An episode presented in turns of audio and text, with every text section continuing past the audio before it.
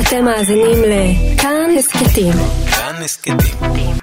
הפודקאסטים של תאגיד השידור הישראלי.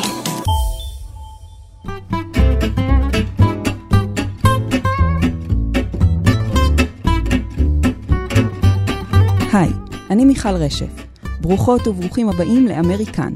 בהסכת הזה נעקוב אחרי הבחירות בארצות הברית, נסביר את כל מה שלא ברור, נספר את הסיפור מאחורי השיטה, שבואו נודה על האמת, נראית מסובכת מבחוץ, ונבין לעומק מה מניע את הבוחר האמריקני כשהוא בוחר את מנהיג העולם החופשי, ובלי אף מילה על קורונה. מבטיחה.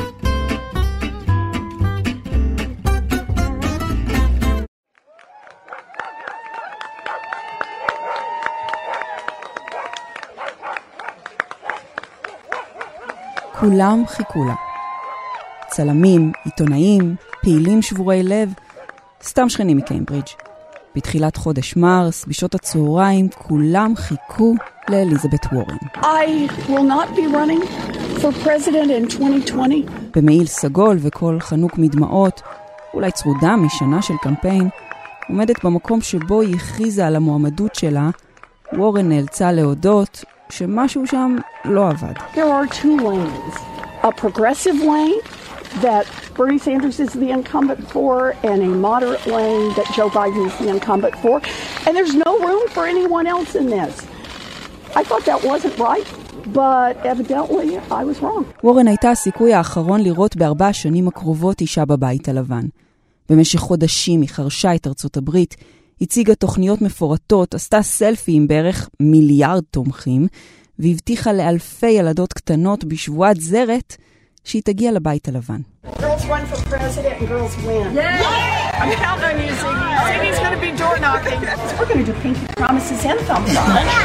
I really, really want you to win. So you're gonna help me on this? Yeah. All right, good. Sophia's got this. על הנייר, הכל נראה טוב. היא סנטורית ותיקה, בעברה מרצה למשפטים, היא לא קיצונית כמו סנדרס או מתונה כמו ביידן, היא בדיוק באמצע. לא מבוגרת מדי או צעירה מדי, היא רגישה כשצריך, My mother and I had very different views of how to build a future. You just gotta do what's right.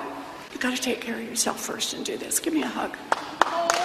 ולוחמנית כשאפשר. I'd like to talk about who we're running against. A billionaire who calls women fat broads and horse faced lesbians. And no, I'm not talking about Donald Trump. I'm talking about Mayor Bloomberg. ויותר מהכל, היא יודעת על מה היא מדברת. וואו, כמה שהיא יודעת. I got a plan. I have got plans. I got a plan. Senator Elizabeth Warren rolls out a sweeping plan that would wipe out student debt for millions of Americans. A detailed plan to invest $2 trillion over 10 years in green manufacturing, research, and trade. אז מה קרה לאליזבת וורן? איפה היא נכשלה? אין ספק שבסופו של דבר, אני חושב שהעניין שוורן אישה מאוד פגע בה. זה דוקטור אלי קוק, ראש התוכנית ללימודי ארצות הברית באוניברסיטת חיפה. זה שיחק לרעתה במיוחד כאשר היא עשתה את המהלך של ההתמרכזות. צריך לזכור שבהתחלה היה באמת נראה שזה ברני ווורן, שהם האגף השמאלני, אפשר אפילו להגיד שמאלני רדיקלי. התוכניות של אליזבת וורן בהרבה אה, מקרים הם מאוד מאוד רדיקליים, לא נופלים אה, אה, בהרבה מהתוכניות של ברני סנדרס. היה איזשהו שלב שהיא כנראה החליטה לדעתי זה גם מהלך הגיוני סך הכל, להתמרכז טיפה כדי לנסות ככה באמת לכבוש את המפלגה, ואז היא בעצם נפלה לגמרי. היא לא הייתה המועמדת המושלמת רק כי בסופו של דבר היא פרופסורית מהרווארד. ואנחנו נמצאים כרגע בתקופה שבה אליטות הם לא בדיוק האנשים הכי פופולריים בעולם, ובכל זאת אה, יש איזושהי אנטי-אליטיזם ואנטי-אינטלקטואליזם שאנחנו רואים את זה שזה גם חזק במפלגה הדמוקרטית. ואני חושב שמה שבסופו של דבר אנשים דווקא אוהבים אצל ג'ו ביידן זה שהוא כזה, למרות שהוא לפעמים חצי דמנטי, הוא, אף אחד לא יגיד עליו שהוא אה, מדבר בשפה גבוהה או שהוא אה, מדבר בגובה העיניים. אבל זה לא רק זה. הרמתי טלפון לדוקטור שני הורוביץ רוזן, מרצה לתקשורת ותרבות מ Montclair State University, ויועצת תקשורת אסטרטגית. היא סיפרה לי בשיחה מניו ג'רזי, למה היא חושבת שוורן הפסידה. סקסיזם היה שם. אני לא חושבת שסקסיזם זה מה שהפיל את הקמפיין שלה. אני חושבת שהסנטימנט הזה של אפשר לדמיין אותה כנשיאה, הוא בדיעבד, וזה מאוד קל להגיד בדיעבד, היה עקב האכילס שלה. משום שכולם נהנו להגיד President Warren. מה, what would President Warren do? אבל עד שהיא תהיה President Warren, היא צריכה להיות המועמדת וורן. וכשהקמפיין שלה נסק בסביבות אוקטובר, ככה לפני שהתחילו כל הפריימריז וה caucuses, ולפני שהתחילה העניין של השטח, באמת הייתה לה הילה נהדרת. כולם ראו איך היא, she could be elevated להיות הנשיאה. אבל כשהתחיל ה nitty gritty, כשהתחיל כל הדברים בפועל, איך לעשות את זה, וה caucuses, זה לא תורגם. אחד האתגרים של וורן, זה דווקא, ראו את זה לאורך הקמפיין, זה דווקא הסלוגן המאוד מוצלח שלה, I've got a plan for this. היא הציגה תוכנית לכל בעיה, הייתה לה תוכנית לזה ותוכנית לזה, וזה הפך להיות ה-catch phrase שלה, של היא תשלוט בזה. וזה נורא יפה שדרך התוכניות האלה היא הראתה כמה היא capable, כמה היא מסוגלת לפתור את זה, והיא עוד מכירה את זה, והיא מכירה את הנושא הזה, אבל זה השאיר אותה במקום של הביצועיסטית, ולא של מישהי שיכולה להיות מנהיגה גדולה. לסנדרס יש את קאלה ממש הולכים אחריו, המעריצים שלו, ויש לו את ההילה של הסוציאליסט, המהפכן, ש-speaks truth to power, ויש אחריו שנוהים אחריו. לביידן יש את ההילה של סגן הנשיא, את הברומנס שהיה לו עם אובמה. יש לו הילה של ניסיון עתיר שנים בוושינגטון. לאובמה הייתה הילה, כזאת של yes we can, של העתיד שאנחנו מביאים לטראמפ. יש תהילת uh, Make America Great Again, ושהוא אומר את האמת as is, כמו שהיא. ואליזבת וורן, בעצם אני שואלת את עצמי, איזה הילה יש לה? אחרי מה המצביעים ילכו? זה חרב פיפיות. מצד אחד, כן. ככה נכנסים לשיח הציבורי. מצד שני, אחרי זמן מסוים, את ה... זה חייב להתקדם לשלב הבא כדי שהקהל יוכל לדמיין אותך גם תוך כדי הפריימריז ולא רק לפני, לא רק לפני שמתחיל כל הבלגן הגדול. זה כמובן לא קשור רק לעובדה שהיא אישה, יש גם לא מעט גורמים אחרים, אבל קשה להתעלם מהפיל שבחדר, או הפילה, לא חשוב. בקיצור, אליזבת וורן נתקעה בין הפטיש לסדן במקרה הזה. That is the trap question for everyone. Uh, if you say, yeah, there was sexism in this race, everyone says whiner. And if you say no, there was no sexism, about a bazillion women think, what planet do you live on?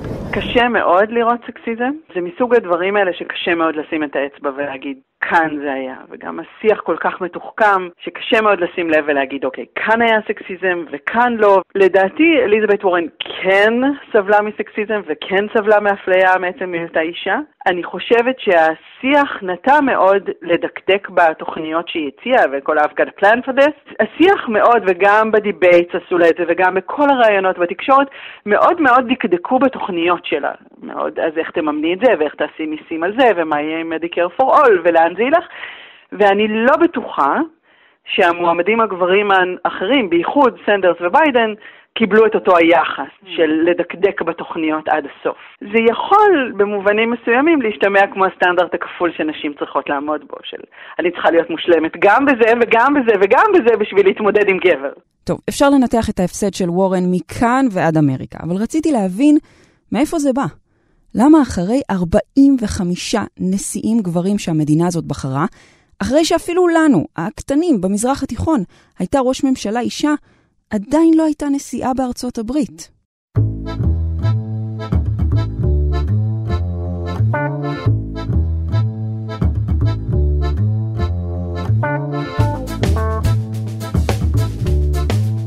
עכשיו, זה בדרך כלל הרגע הזה שאנחנו בתקשורת נוהגות לומר משהו בסגנון של בשביל להבין את מה שקורה היום צריך לחזור אחורה.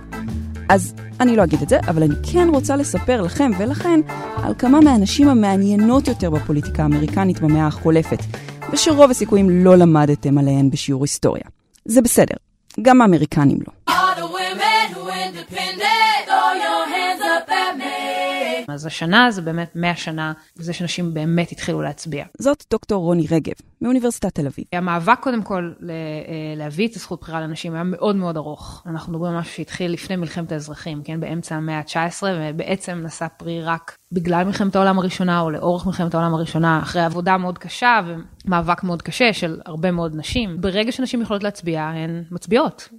הן מצביעות, הן משתתפות בבחירות, במקומות באמת כמו מדינות מסוימות, זה עוד לפני 1919 לבחירות מקומיות. כן, והן נבחרות פחות, פחות נבחרות. יותר מצביעות, פחות נבחרות. אני מאמינה שברמה המקומית, גם מדינות, חברות פרלמנט מקומיות, זאת אומרת הפרלמנט נגיד של מונטנה, הפרלמנט של ניו יורק, דברים כאלה בטח קורים מוקדם יותר, מאשר למשרה ברמה הפדרלית. יש מעט מאוד נשים, גם בקונגרס וגם בסנאט, גם היום מבחינת היחס באוכלוסייה, וגם לאורך השנים. זאת אומרת, זה היום בטח יותר משהיה אי פעם, ועדיין רחוק מלהיות ייצוג של 50% מהאוכלוסייה.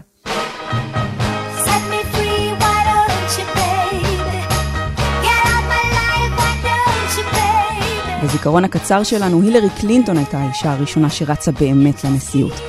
זה נכון, בערך. קלינטון הייתה הראשונה לייצג במרוץ את אחת משתי המפלגות הגדולות, אבל בשנות ה-70 הייתה מישהי אחרת שהתמודדה לנשיאות במפלגה הדמוקרטית. גם היא באה מהממסד כביכול, גם לה היה ניסיון, וקראו לה שירלי צ'יזול. For the first time, the House will have a black woman member, Shirley Chisholm, from the sometimes explosive Bedford-Stuyvesant area of Brooklyn. אה, כן, והיא גם הייתה שחורה. שירלי צ'יזולם נולדה בברוקלין להורים מהגרים מהקריבים.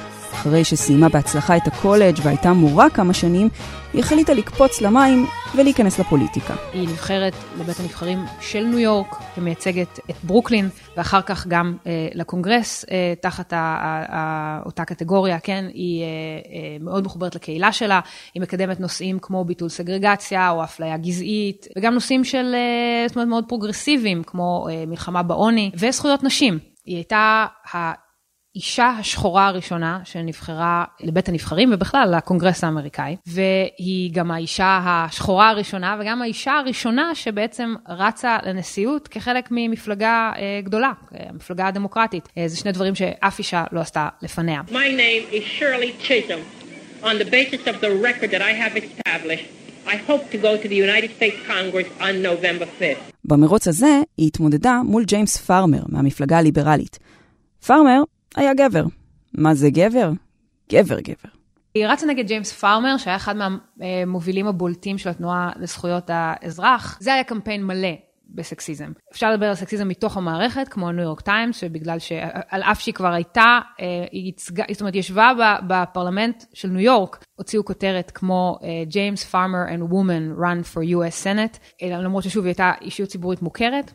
וגם פארמר עצמו ביסס את כל הקמפיין שלו על הזהות הגברית שלו. זה קשור לאיזה שהם, אה, שוב, התרחשויות קצת יותר רחבות בארצות הברית בתקופה, ודיונים אה, מאוד בולטים בתקופה הזאת, שדיברו על אה, הנחשלות של האוכלוסייה השחורה כתוצאה מכישלון בבית, מזה שהאימהות הן חד-הוריות ואין דמות גברית בבית. אז פארמר בעצם ניצל את השיח הזה והדגיש את, ה... את זה שהוא גבר והוא נמצא, והוא גבר שחור, שיפיח מחדש את האמון בגבריות השחורה. והוא שיחק על זה. הוא היה מסתובב עם חבורת גברים שחורים שהתעופפו על תופי בונגו. כאיזושהי קלישאה של גבריות שחורה, ככה הוא הסתובב כדי לייצג את זה. הוא הדגיש כל הזמן שהוא את הגבריות השחורה שלו. מה שאילץ אותה באמת להתייחס לזהות הזהות שלה כאישה בקמפיין. באותם שנים זה היה מאוד קשה לאישה שחורה לדבר בשיח פמיניסטי כמו שאנחנו אה, חושבות עליו היום. בגלל שהתנועה לזכויות האזרח עוד לא ממש התחברה לתנועה הפמיניסטית בצורה מלאה. אז היה איזשהו אנטגוניזם גם בין נשים לבנות פמיניסטיות לנשים שחורות. לא בהכרח גלוי, אבל הוא היה שם. אז בשביל שירלי צ'יזום לאמץ את השיח של התנועה הפמיניסטית במרוצים המוקדמים שלה, זה לא היה הגיוני. זאת אומרת, זה לא היה דרך לדבר לקהילה שלה בברוקלין. היא ניצחה במרוץ הזה, ועשתה היסטוריה. חברת הקונגרס השחורה הראשונה בהיסטוריה של ארצות הברית. בשנת 1972 היא רצתה יותר. פמיניסטיות, פעילי זכויות אדם וסתם אזרחים מן השורה אמרו לה, שירלי, אנחנו רוצים לראות אותך בבית הלבן. And in the very beginning, I, to be frank with you, I laughed because I was cognizant of the fact that being simultaneously a black person and a woman placed me in the position of being a part of two segments in America who have never had any real roles to play in terms of the de- decision-making processes and policies that govern our lives. אבל הצחוק הזה התחלף במהרה בפרצוף רציני. צ'יזולם החליטה לרוץ.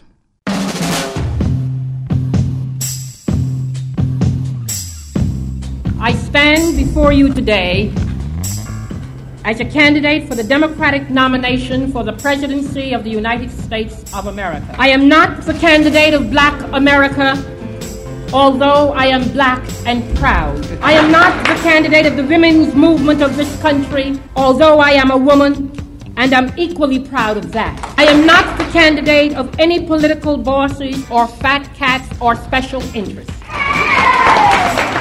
האמת שזה לא מפתיע אותי.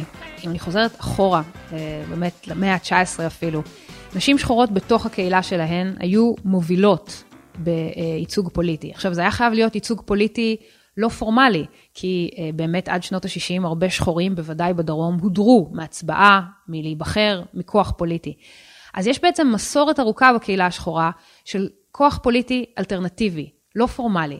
כזה שהוא אה, מבטא את עצמו בדרכים לא קונבנציונליות, דרך כנסיות, דרך ארגונים פרטיים. נשים שחורות, שוב, עוד לפני מלחמת האזרחים, אבל בוודאי אחרי, מקימות רשתות חברתיות פוליטיות דרך הכנסיות שלהם, שהן מגייסות כסף, עוזרות לנזקקים, לעניים, לנשים אחרות, לגברים אחרים.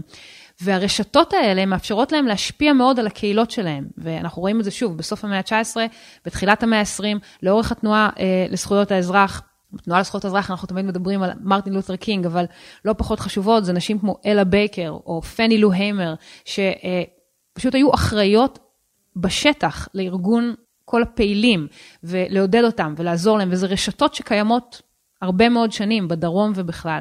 ושירלי צ'יזולם היא חלק מהמסורת הזאת. במרוץ הזה צ'יזול מתמודדת נגד ג'ורג' מגוורן, סנאטור בעל ניסיון מדרום דקוטה, וסגן הנשיא יוברט המפרי. שני דמוקרטים מוכרים וגם חזקים ממנה.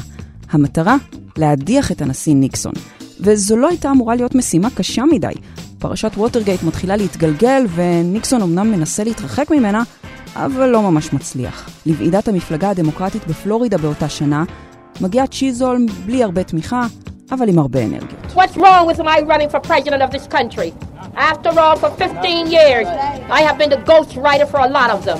לבסוף, היא מצליחה לקבל 152 צירים בוועידה, הישג לא מבוטל בכלל, ומפסידה את המועמדות למגוון. הוא אגב, הפסיד אחר כך לניקסון את ההפסד הכי צורם של המפלגה הדמוקרטית עד היום, הפסד ב-49 מתוך 50 מדינות.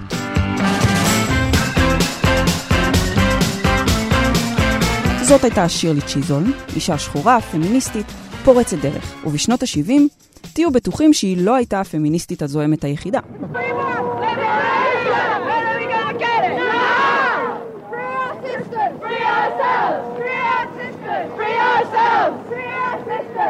בתקופה ההיא, כשנשים רצו להיבחר, הן ממש לא פחדו לשים את העובדה שהן נשים במרכז הקמפיין. אחת הבולטות שבהן, והנה הצ'ופר למאזינים חובבי הצלחות היהודים בעולם מביניכם, היא בלה אבסוג.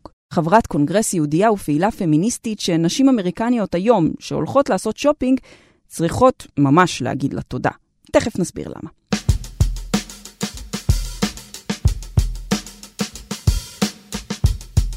אבזוג הייתה דמות צבעונית מאוד, וגם חובבת כובעים. כאילו, ממש חובבת כובעים. בכל מקום היא הופיעה עם כובע. כמו במקרה הזה, בכנס מיוחד של ארגון נשים שנערך בוושינגטון ב-1977. A woman's movement is a movement of all women. And fundamental to the movement of women is the participation of all of us as we come out of our neighborhoods, as we come out of our backgrounds, to come together to exchange our ideas and to discuss our problems. אבזוג הייתה בת של מהגרים יהודים מרוסיה. היא עצמה הייתה פעילה פמיניסטית שהקימה כמה ארגוני נשים, ובשנת 1970 היא התמודדה על מקום בקונגרס בסיסמה "מקומה של האישה הוא בבית", בבית הנבחרים. הבנתם? הסיסמה כנראה הייתה ממש מוצלחת, כי באותה שנה היא עשתה היסטוריה. Bella became one of only nine women among the 435 members of the House of Representatives. People need change. לא רק זה, היא הפכה לאישה היהודייה הראשונה בבית הנבחרים. אבזוג לא התכוונה לשבת בשקט לרגע, ומהר מאוד זכתה לכינוי בטלינג בלה, או בלה הלוחמנית. אפשר לומר שהייתה לזה סיבה טובה. Sign the peace agreement because of the killing of the spirit and the meaning and the belief of American democracy that I do impeach the President of the United States. אבזוג הייתה בין הראשונים לתמוך בזכויות לקהילת הלהט"ב, קרא לצאת מווייטנאם וכמובן נלחמה למען זכויות נשים. הנה רק דוגמה אחת. זוכרות את הנשים האמריקניות שעושות שופינג? אוקיי. אז בשנת 1973, בלה גילתה משהו מוזר. Do you know me? Well, American Express did not know me. Because when I was in the Congress of the United States and I applied for an American Express card, they said I couldn't get one unless my husband signed for it. חברת קונגרס, אישה עצמאית וחזקה לכל הדעות, לא הייתה יכולה באותן שנים להוציא כרטיס אשראי על שמה וללא חתימת בעלה. בלה נלחמה והצליחה לשנות את החוק. אבל כמו הרבה נשים לפניה ואחריה, גם היא גילתה את תקרת הזכוכית. במקרה שלה, זה היה המושב בסנאט במרוץ של 1976. בלה לא נבחרה, ושנה לאחר מכן סיימה את הקריירה הפוליטית שלה. לפחות רשמית. בפועל, היא כמובן המשיכה להילחם. אני חושבת שהריבוי של נשים אה, בשנות ה-70, המרוצים, זאת אומרת שהגל הפמיניסטי הביא, זה, זה מה שהוא עשה יותר מהכל. הוא הפך את זה לנורמלי, כמו שזה צריך להיות. שנשים יכולות לרוץ, יכולות להיבחר, יכולות לייצג אה, אינטרסים של נשים בקונגרס ובסנאט, וככה זה צריך להיות. זה עדיין, שוב, לא באחוזים שאני הייתי רוצה לראות, אבל זה בוודאי לא, זה בוודאי נחשב נורמלי. וזה בעיניי החשיבות העיקרית של, ה, של הנשים האלה.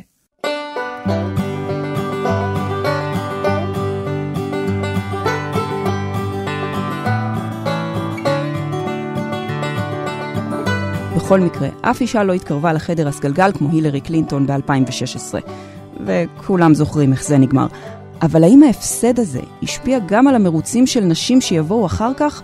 האם יכול להיות שבלי כוונה, קלינטון הפכה את המרוץ של וורן לבלתי אפשרי? אני חושב שהילרי פגעה בכל הנשים, אין ספק, ו- וצריך להגיד פה גם שהילרי אה, קלינטון לדעתי גם נפגעה מהיותה אישה. אני גם אומר הרבה שנים כבר שלדעתי אם הילרי הייתה גבר, לדעתי היה לה בדיוק את. אולי עוד כמה עשרות אלפי קולות במקומות המפתח, והיא כנראה הייתה היום הנשיאה. מצד שני, הילרי קלינטון גם הייתה באמת מועמדת לא מתאימה, ולא לא קרובה אפילו לוורן, ולכן לדעתי העובדה שהילרי קלינטון הייתה אישה, אבל גם מועמדת גרועה, הלקח היה אי אפשר אה, אה, נשים, ש, שאגב, הלקח היה צריך לדעתי להיות בדיוק ההפך. הלקח היה צריך להיות נשים זה אחלה, אבל אי אפשר ללכת עם מישהו כמו ג'ו ביידן, שהוא כאילו הכי ממסדי ו... וטראמפ יעשה ממנו כאילו אה, קציצה. אני רוצה להגיד קודם כל עוד דבר לגבי השוביניזם העמוק בחברה האמריקאית. מי זאת הילרי קלינטון בסופו של דבר? אשתו של נשיא לשעבר, כלומר בסופו של דבר גם הפוליטיקאית שהגיעה הכי קרובה לנשיאות, הגיעה לשם קודם כל, לפי מי ש... עם, עם, עם הגבר שהתחתנה איתו. במובן הזה, אנשים שמדברים על מישל אובמה וכולי, אני חושב שזה רק משקף כמה שהחברה האמריקאית היא עדיין כזו שהדבר היחידי שהם יכולים לדמיין זה, זה בשביל נסיעה, זה מישהי שכאילו התחתנה עם הגבר הנכון. טוב, אבל בואו נודה על האמת, נשים שרצות במפלגה הדמוקרטית, זו לא חוכמה גדולה. אם הן מתמודדות לתפקיד מסוים, זה כנראה במפלגה הזאת. מה קורה אצל הרפובליקנים? אולי משם תבוא הבשורה, אלי? אני חושב שכן, מה שאפשר להגיד על המפלגה ה... רפובליקאית זה שהם מספיק אה, אה, ציניים בשביל לדעת שגם הם צריכים לפעמים לשחק את משחק הזהויות ואם הפסד צורם של טראמפ וזה, ואולי עוד הפסד אחרי זה, הם גם יפיקו את הלקחים האלה. מה, מרגרט תאצ'ר לא אה, פירקה את השמאל באנגליה בשנות ה-80? גם אישה יכולה אה, לעשות את מה שהרפובליקאים השמרנים כל כך רוצים, זה לא חייב להיות גבר, ולדעתי בסופו של דבר יש, ברור לי שהשוביניזם בצד הימני הוא הרבה פעמים בוטה יותר, אבל בסופו של דבר להגיד לך שהמצביע הרפובליקאי הממוצע מיזוגני יותר מהמצביע הדמוקרטי הממוצע? אני לא בטוח אם אפשר להגיד את זה, אני חושב שהרבה ליברלים מסתירים את זה יותר טוב, ולכן אני, אני, זה, זה לא בעיניי אה, סיטואציה דמיונית, אנחנו זוכרים גם סרה פיילן וגם רפובליקנים אה, כשהם היו נואשים ורצו לנצח את אובמה, לא היה להם בעיה לשים אה, אישה גם כסגנית אה, אה, הנשיא. אני חייבת להודות, זה לא נשמע מבטיח. אז כפמיניסטית המיואשת שאני, צלצלתי לדודה שלי, פיליס. היא גרה בוושינגטון די.סי, יהודיה אמריקנית ופעילה פוליטית שגילתה מחדש איזה כיף זה הפגנות אחרי שטראמפ נבחר ואחרי שהיא יצאה לפנסיה. קיוויתי שהיא, שגדלה בשנות ה-60 וה-70, תיתן לי קצת תקווה. I'm very confident that a woman could be elected president of the United States, and certainly within my lifetime, and I would put that at the next 25 years. I say that because uh, there are many more women, an increasing number of women, elected to leadership positions in the local government, state, and federal government. And also, let's not forget, a woman who ran for president of the United States actually won the popular vote in the election of 2016. So uh, that gives me great hope and uh, great confidence. יצאתי מחוזקת. עכשיו רק נותר לנסות לנחש מי תתמודד ב-2024. רעיונות? אני מסתכל על מישהי כמו אלכסנדר אוקטזיו קורטז, אבל ב... אני לא יודע אם היא תרוץ לנשיאות ב-2024, היא יכולה, מי שלא מכיר, היא uh, ניצחה באמת בצורה די uh, uh, מפתיעה את אחד המועמדים הכי חזקים במפלגה הדמוקרטית, ועכשיו יושבת בבית הנבחרים בקווינס, היא ברמנית לשעבר, היא צעירה, היא מדברת בצורה מאוד פופוליסטית, כמובן תומכת בברני, היא גם לטינית, זה, זה לא מזיק לה. אני חושב ש, שזה, אולי היא ככה תוכל לשבור את הקונסנזוס, היא, היא ככה חריפה מאוד בטוויטר, היא יודעת ככה אה, לרדת על גברים בצורה ממש כאילו, ממש פשוט טובה. Because I think we all know deep down here and across the country that our deepest challenges are not left and right, they are not red and blue, they are top and bottom, they are right and wrong. אולי מישהי כמו ניקי הלי תוכל בהמשך. אני יכול לדמיין מצב שבו מישהי כזו, שהיא גם בת מהגרים, היא ככה תחזיר ככה את הצד המוסרי והרך יותר למפלגה הרפובליקאית אחרי השנים כאילו הדורסוניות של טראמפ. אז למשל לא אתפלא בכלל אם טראמפ נגיד מפסיד ב-2020, שאולי מישהי כמו ניקי הלי אה, ב-2024, וההון אה, בטוח יאהב אותה, אני לא חושב שהיא מסכנת את האלפיון העליון, ומצד שני היא תעשה את זה בצורה הרבה יותר, אה, איך נקרא לזה, אלגנטית ופחות בוטה מדונלד טראמפ. אז, אז, אז יש עתיד, אני חושב שאסור להתייאש, אבל כרגע באופק, לצערי הרב, נראה שזה לא יקרה בזמן הקרוב. טוב, אז נשיאה לא, אבל אולי סגנית? בעימות הדמוקרטי האחרון מול ברני סנדרס אמר ג'ו ביידן, מי שכנראה יוביל את המפלגה הדמוקרטית במרוץ הזה, שהוא רוצה אישה שתרוץ איתו כסגנית. היי, hey, גם זה סדק בתקרת הזכוכית. There are a number of women who are qualified to be president tomorrow. I would pick a woman to be my vice president. אם נסתכל על המרוצים של נשים אז והיום, יש דבר אחד ברור, כל אחת מהן חורשת את התלם לבאה אחריה. מסמנת את הדרך שבה אפשר ללכת. אז זה אולי לא יקרה עכשיו, לא בארבע השנים הקרובות בכל אופן, אבל יום אחד, מישהי אחת תעשה את זה.